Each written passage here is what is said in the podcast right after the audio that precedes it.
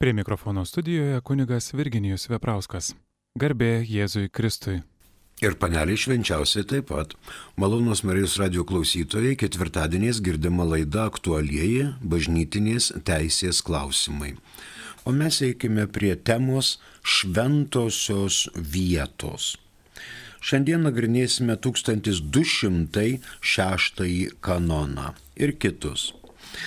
Dedikuoti kokią nors vietą priklauso dieceziniam vyskupui ir tiems, kurie jam prilyginami pagal teisę. Jie gali patikėti pareigą atlikti dedikaciją savoje teritorijoje bet kuriam vyskupui arba išimties atvejais kunigui. Taigi dabar susidurime su tokiu terminu dedikacija. Anksčiau tas terminas turėjo skambėti konsekracija, nes katedros konsekruojamos, bažnyčios konsekruojamos, altoriai konsekruojami, o dabartinėje teisėje įvestas terminas dedikacija tai yra vietoj žodžio konsekracija. Dedikacija yra iškilmingos ir viešos apėgos, kuriomis pašventinama vieta ir paskiriama kulto atlikimui. Tai neša ir teisinės pasiekmes. Pavyzdžiui, katedra, parapinė bažnyčia, altorius yra dedikuojamos. Dėl to tą gali vykdyti vietos vyskupas ir jam prilykstantis. Mums į pagalbą ateina 381 kanono antras paragrafas. Vadovaujantieji kitoms tikinčiųjų bendruomenėms minimoms 368 kanone teisėje prilyginami dieceziniam vyskupui, nebent pagal dalyko prigimtį ar teisės potvarkį būtų aišku, kad yra kitaip. Žvilgternam į 368 dalinės bažnyčios, kuriuose yra ir iš kurių susideda viena ir vienintelė katalikų bažnyčia, visų pirma yra vyskupijos, kurioms, jei nėra nustatyta kitaip prilyginamos teritorinė prelatūra ir teritorinė abatija. Apaštalinis vikariatas ir apaštalinė prelatūra ir pastoviai įsteigta apaštalinė administratūra. Taigi pagal 381 vat vyskupui prilyginame. Dar galime pasižiūrėti į 427 kanoną. Pirmąjį paragrafą. Vyskupijos administratorius turi diecezinio vyskupo pareigas ir galę, išskyrus tas, kurios nepriklauso pagal dalykų prigimtį ar pačią teisę. Galime įdomumo dėlį ir antrai perskaityti. Vyskupijos administratorius įgyja atitinkamą galę, priėmęs išrinkimą kuris nereikalauja jokio patvirtinimo, liekant galioti įpareigojimui, apie kurį kalba kiti kanonai. Ir tik išmin, išimties atveju dedikuoti katedrą, bažnyčią, altorių, kitas šventas vietas gali vietos ordinaras pavesti kitam vyskupui, bet kuriam savo pavaduotojui, savo pagalbininkams arba vyskupui svečiui. Aišku, parašęs specialų leidimą, pavedimą, prašymą. ypatingu atveju gali tą dalyką, tą veiksmą vykdyti ir kunigas. Tačiau jam irgi reikalingas įsakmus leidimas būtent šiam atvejui. Dar galime ateiti, gali mums ateiti į pagalbą kiti kanonai. Pavyzdžiui, 134 pirmasis paragrafas. Be Romos popiežiaus ordinarų teisėje suprantami dieceziniai vyskupai. E, nutraukėm mintį, mums paskambino, prašom. Skambina Birutė iš Vilniaus, turi klausimą apie maldą. Klausom jūsų, Birutė. Alio. Alio. Klausom jūsų, ponė Birutė. Garbėjai Kristus. Per amžius amen. Klausi, klausiau ganytojo žodį per radiją ir ten buvo kalbama apie maldą, kad pasakyti žodžius rožinio ar litanijos, tai dar ne viskas. Reikia atverti Jėzui širdį. Prašau paaiškinti, kaip reikia atverti Jėzui širdį. Ačiū ponė Birutė už klausimą. Kad aš žinočiau, tai ir pasakyčiau. Bet dabar mes e, vadovaujamės, kaip jūs sakėte, girdėtomis ganytojo mintimis. Matot, mūsų malda nėra rama rama, hari hari, hari hari, rama rama. Mes ne vien kartojame žodžius, ar tai būtų tėvė mūsų, ar tai būtų sveika Marija, bet atverti širdį tikriausiai būtų, kad mes dalyvautume tose paslaptyse, kaip minėjot, rožančiaus. Pavyzdžiui, viešpaties angelas apreiškė Marijai, tu pradėsi iš šventosios dvasios. Tai vad, kalbėdami, Tėve mūsų ir sveika Marija dešimt kartų, mes atveriam širdį ir apmastom šitą slėpinį. Koks didžiulis džiaugsmas, kai viešpaties angelas buvo pasiūstas pas Nazareto mergaitę Mariją ir ši sutiko tapti Dievo sūnaus motina. Šito laukė visa žmonija, o ypatingai išrinktoji tauta, kad pagaliau būtumėme atpirkti. Tai vad šitaip mes atveriame širdį Dievui, apmastom slėpinius, išganimo slėpinius, ne vien tik kartodami maldos žodžius. Ačiū, kad įdėmiai klausotės ponė Birutė ganytojų minčių, tikrai jie pasako labai daug, o po to, matot, reikia ir pasiaiškinti, kas tai galėtų būti. Ačiū. Na ir einame toliau prie 134 kanono, kuris iliustruoja mums 1206. Taigi, be Romos popiežiaus ordinaru teisėje suprantame dieceziniai vyskupai ir kiti, nors ir laikinai vadovaujantys bet kuriai daliniai bažnyčiai ar pagal 368 kanono nuostatą jai prilygintai bendruomeniai.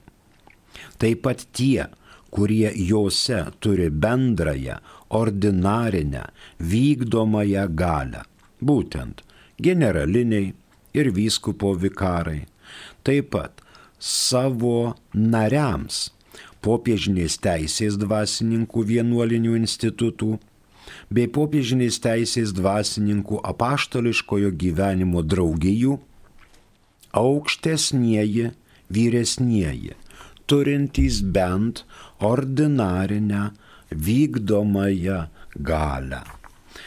134. Toliau galim žvilgterėti į 295. Asmeninė prelatūra tvarkoma pagal apaštalų sosto parengtą statutą.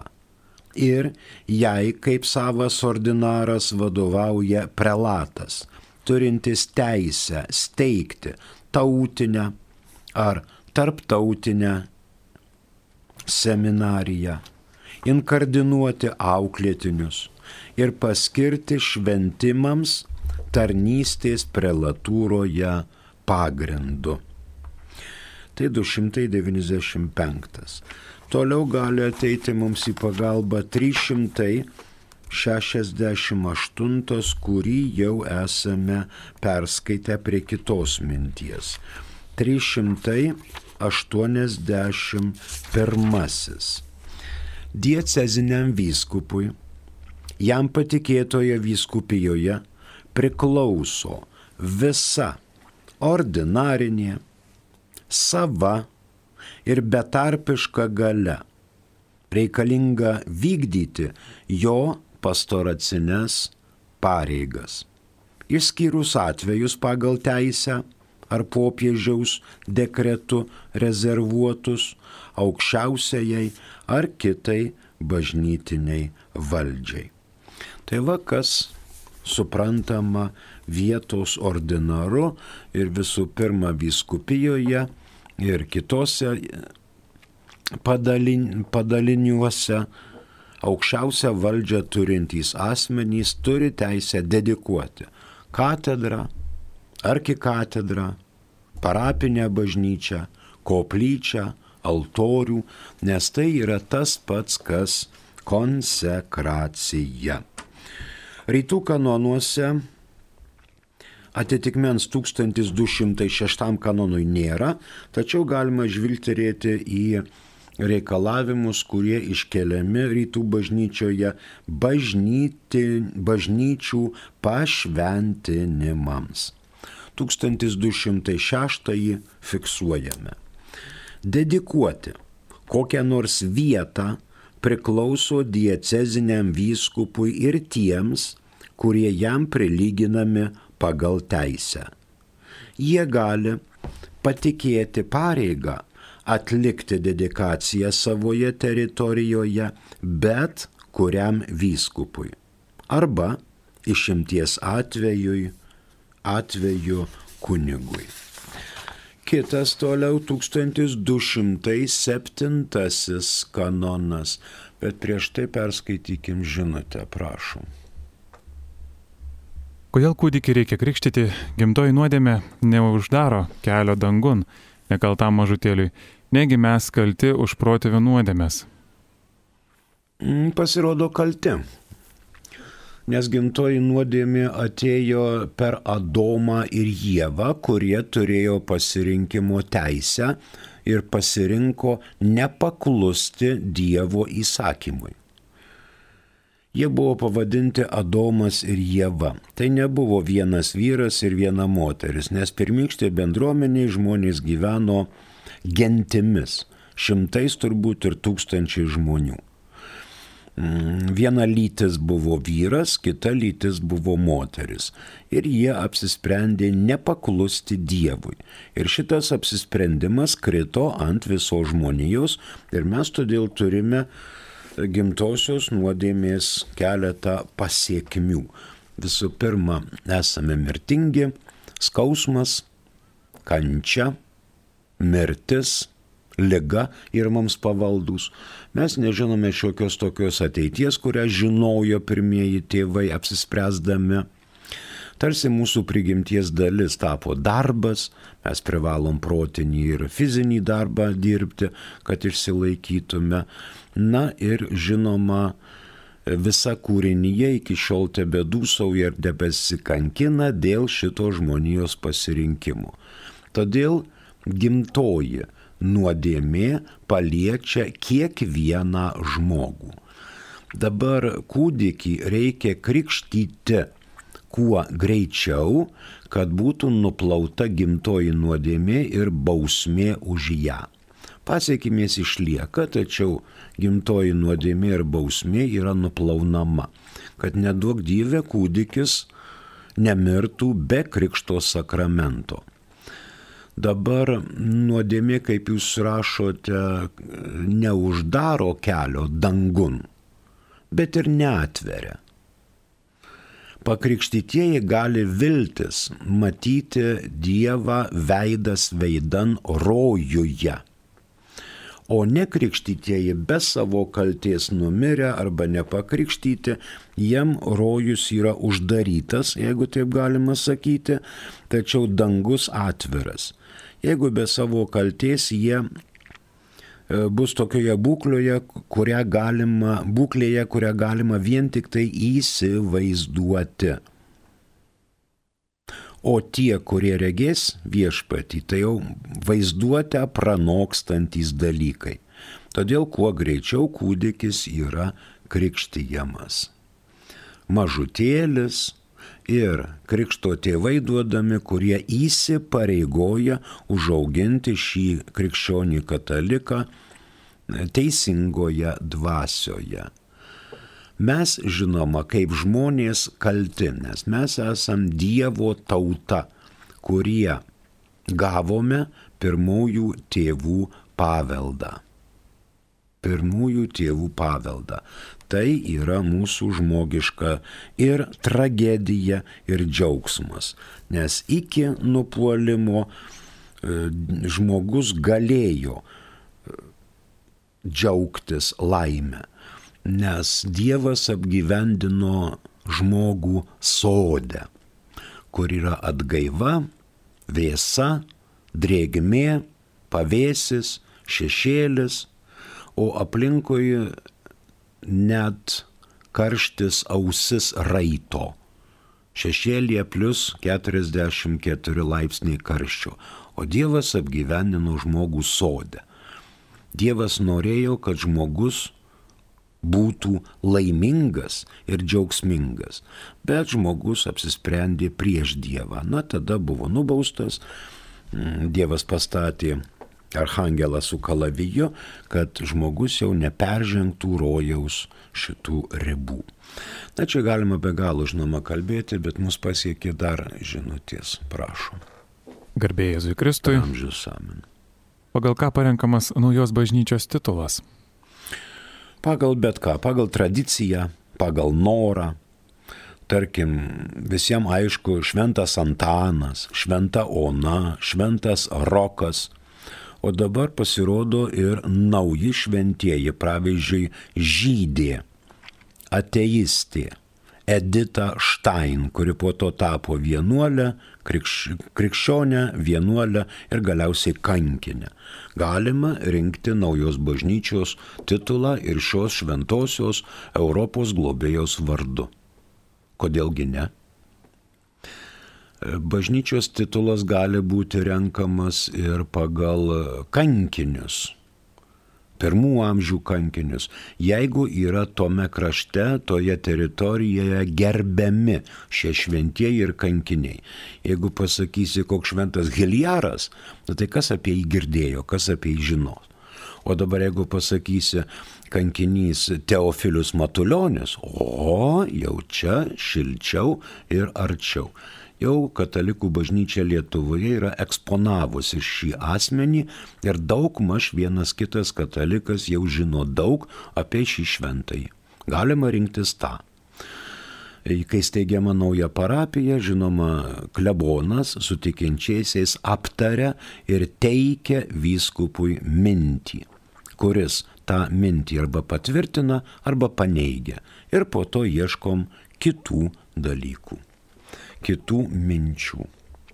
Ačiū, prašom toliau.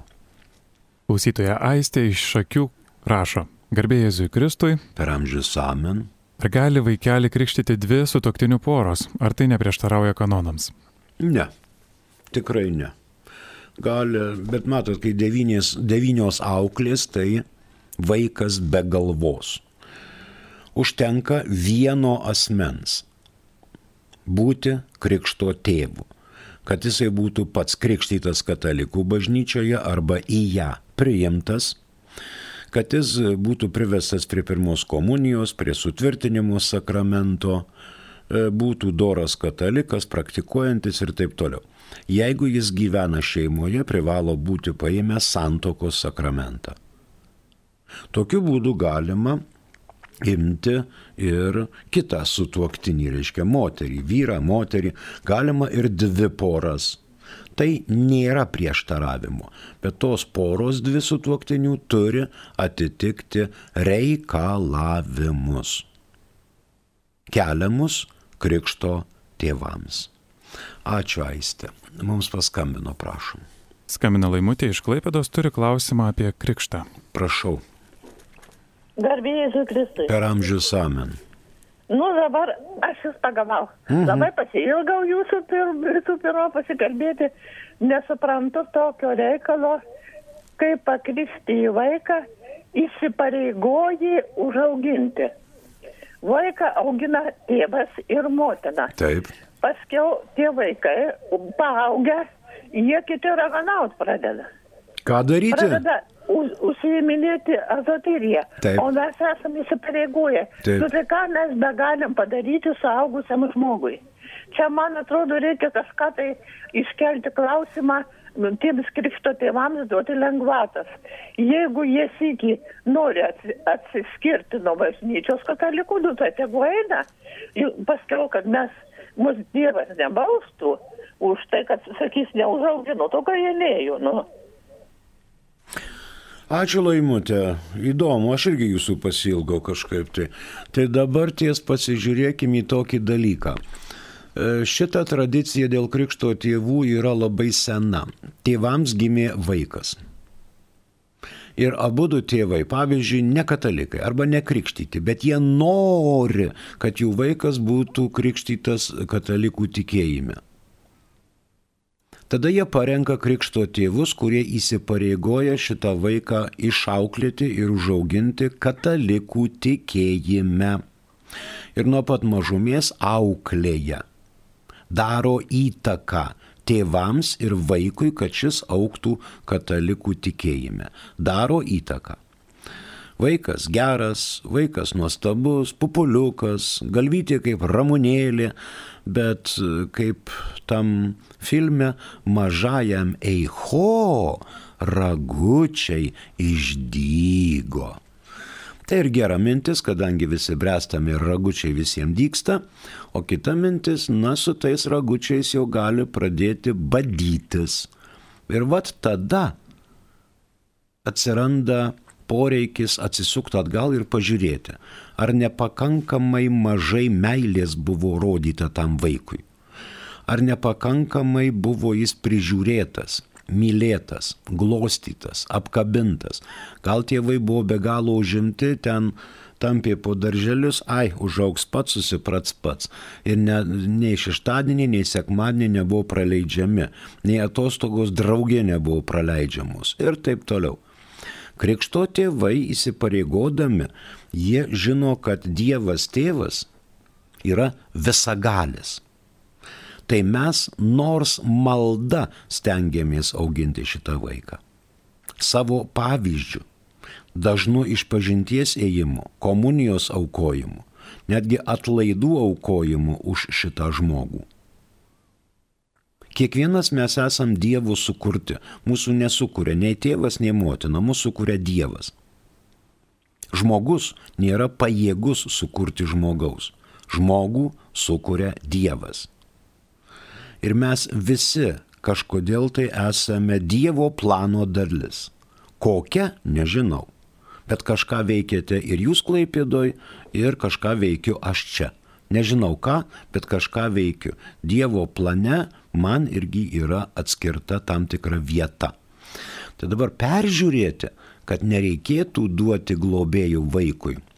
Kad bažnyčia sakytų, ai, nereikia. Tikrai to nebus. Skiriami globėjai ir jie įsipareigoja. Pažiūrėkim, kiek mes turim savo krikštatėvių, krikštadukrų ir ar visuomet mes juos prisimenam. Nebūtinai vien tik per gimtadienį, ten tortas, dviratis, laikrodis ar dar koprinė į mokyklą, bet ar tai yra pasaulyje žiūriniai klausimai su jais. Ar jiem pajutus brandimą ir meilės visas, ar mes su jais pasišnekame apie krikščionišką antropologiją, na ir taip toliau. Tai yra atviras klausimas.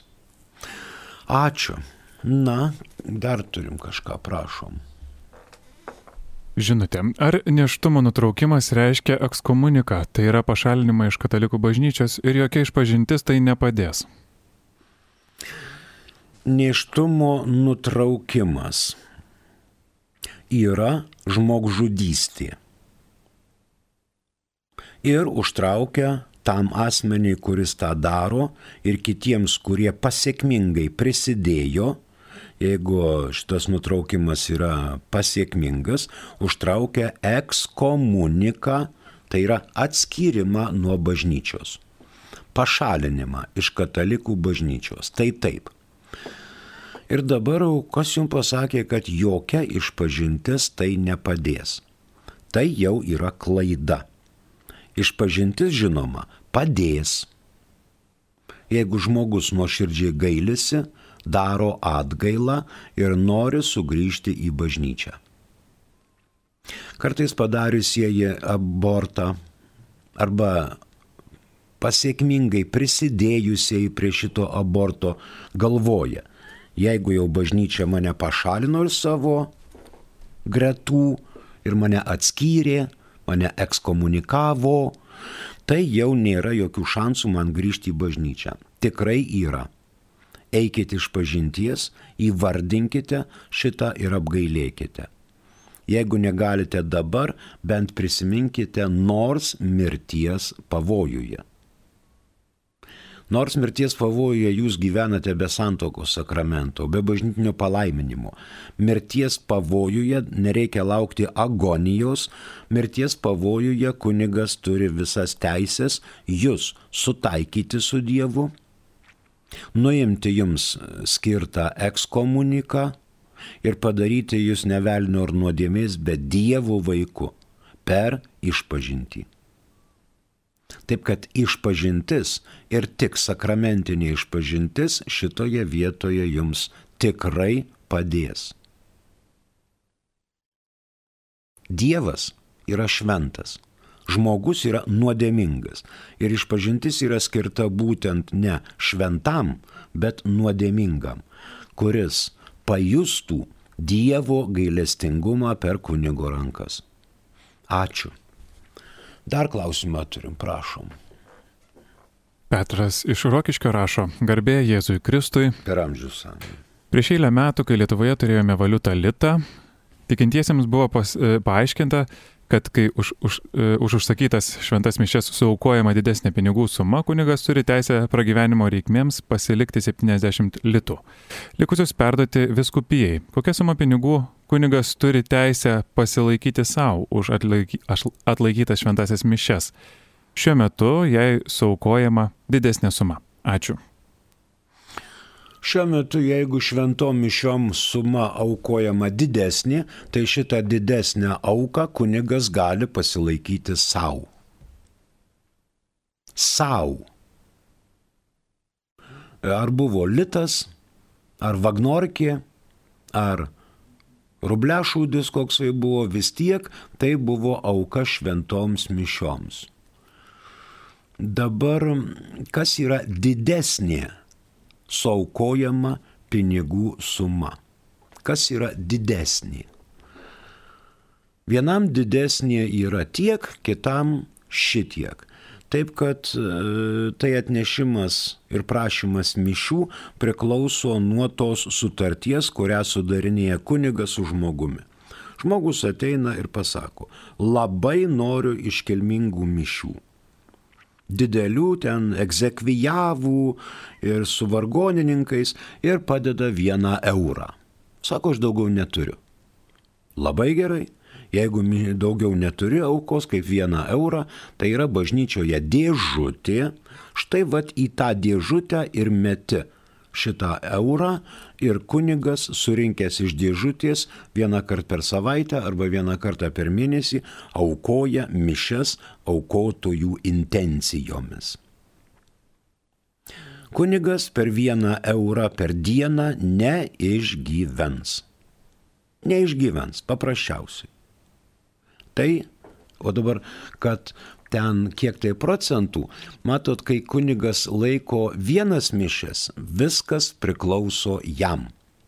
Jeigu kunigas laiko antras mišes, ten laidutuvės, dar kas nors, tai jisai gali, privalo binaciją šitą taip vadinamą vežti į kūriją, arba jeigu jisai stato bažnyčią, arba turi sąnaudų nuvažiuoti į kitą parapiją, ar išlaidų ten vargonininkui, zakristijonui, tai jis gali nevežti turbūt vyskupui, o e, padalina šitą auką tiems, kurie patarnauja laidotuvėms.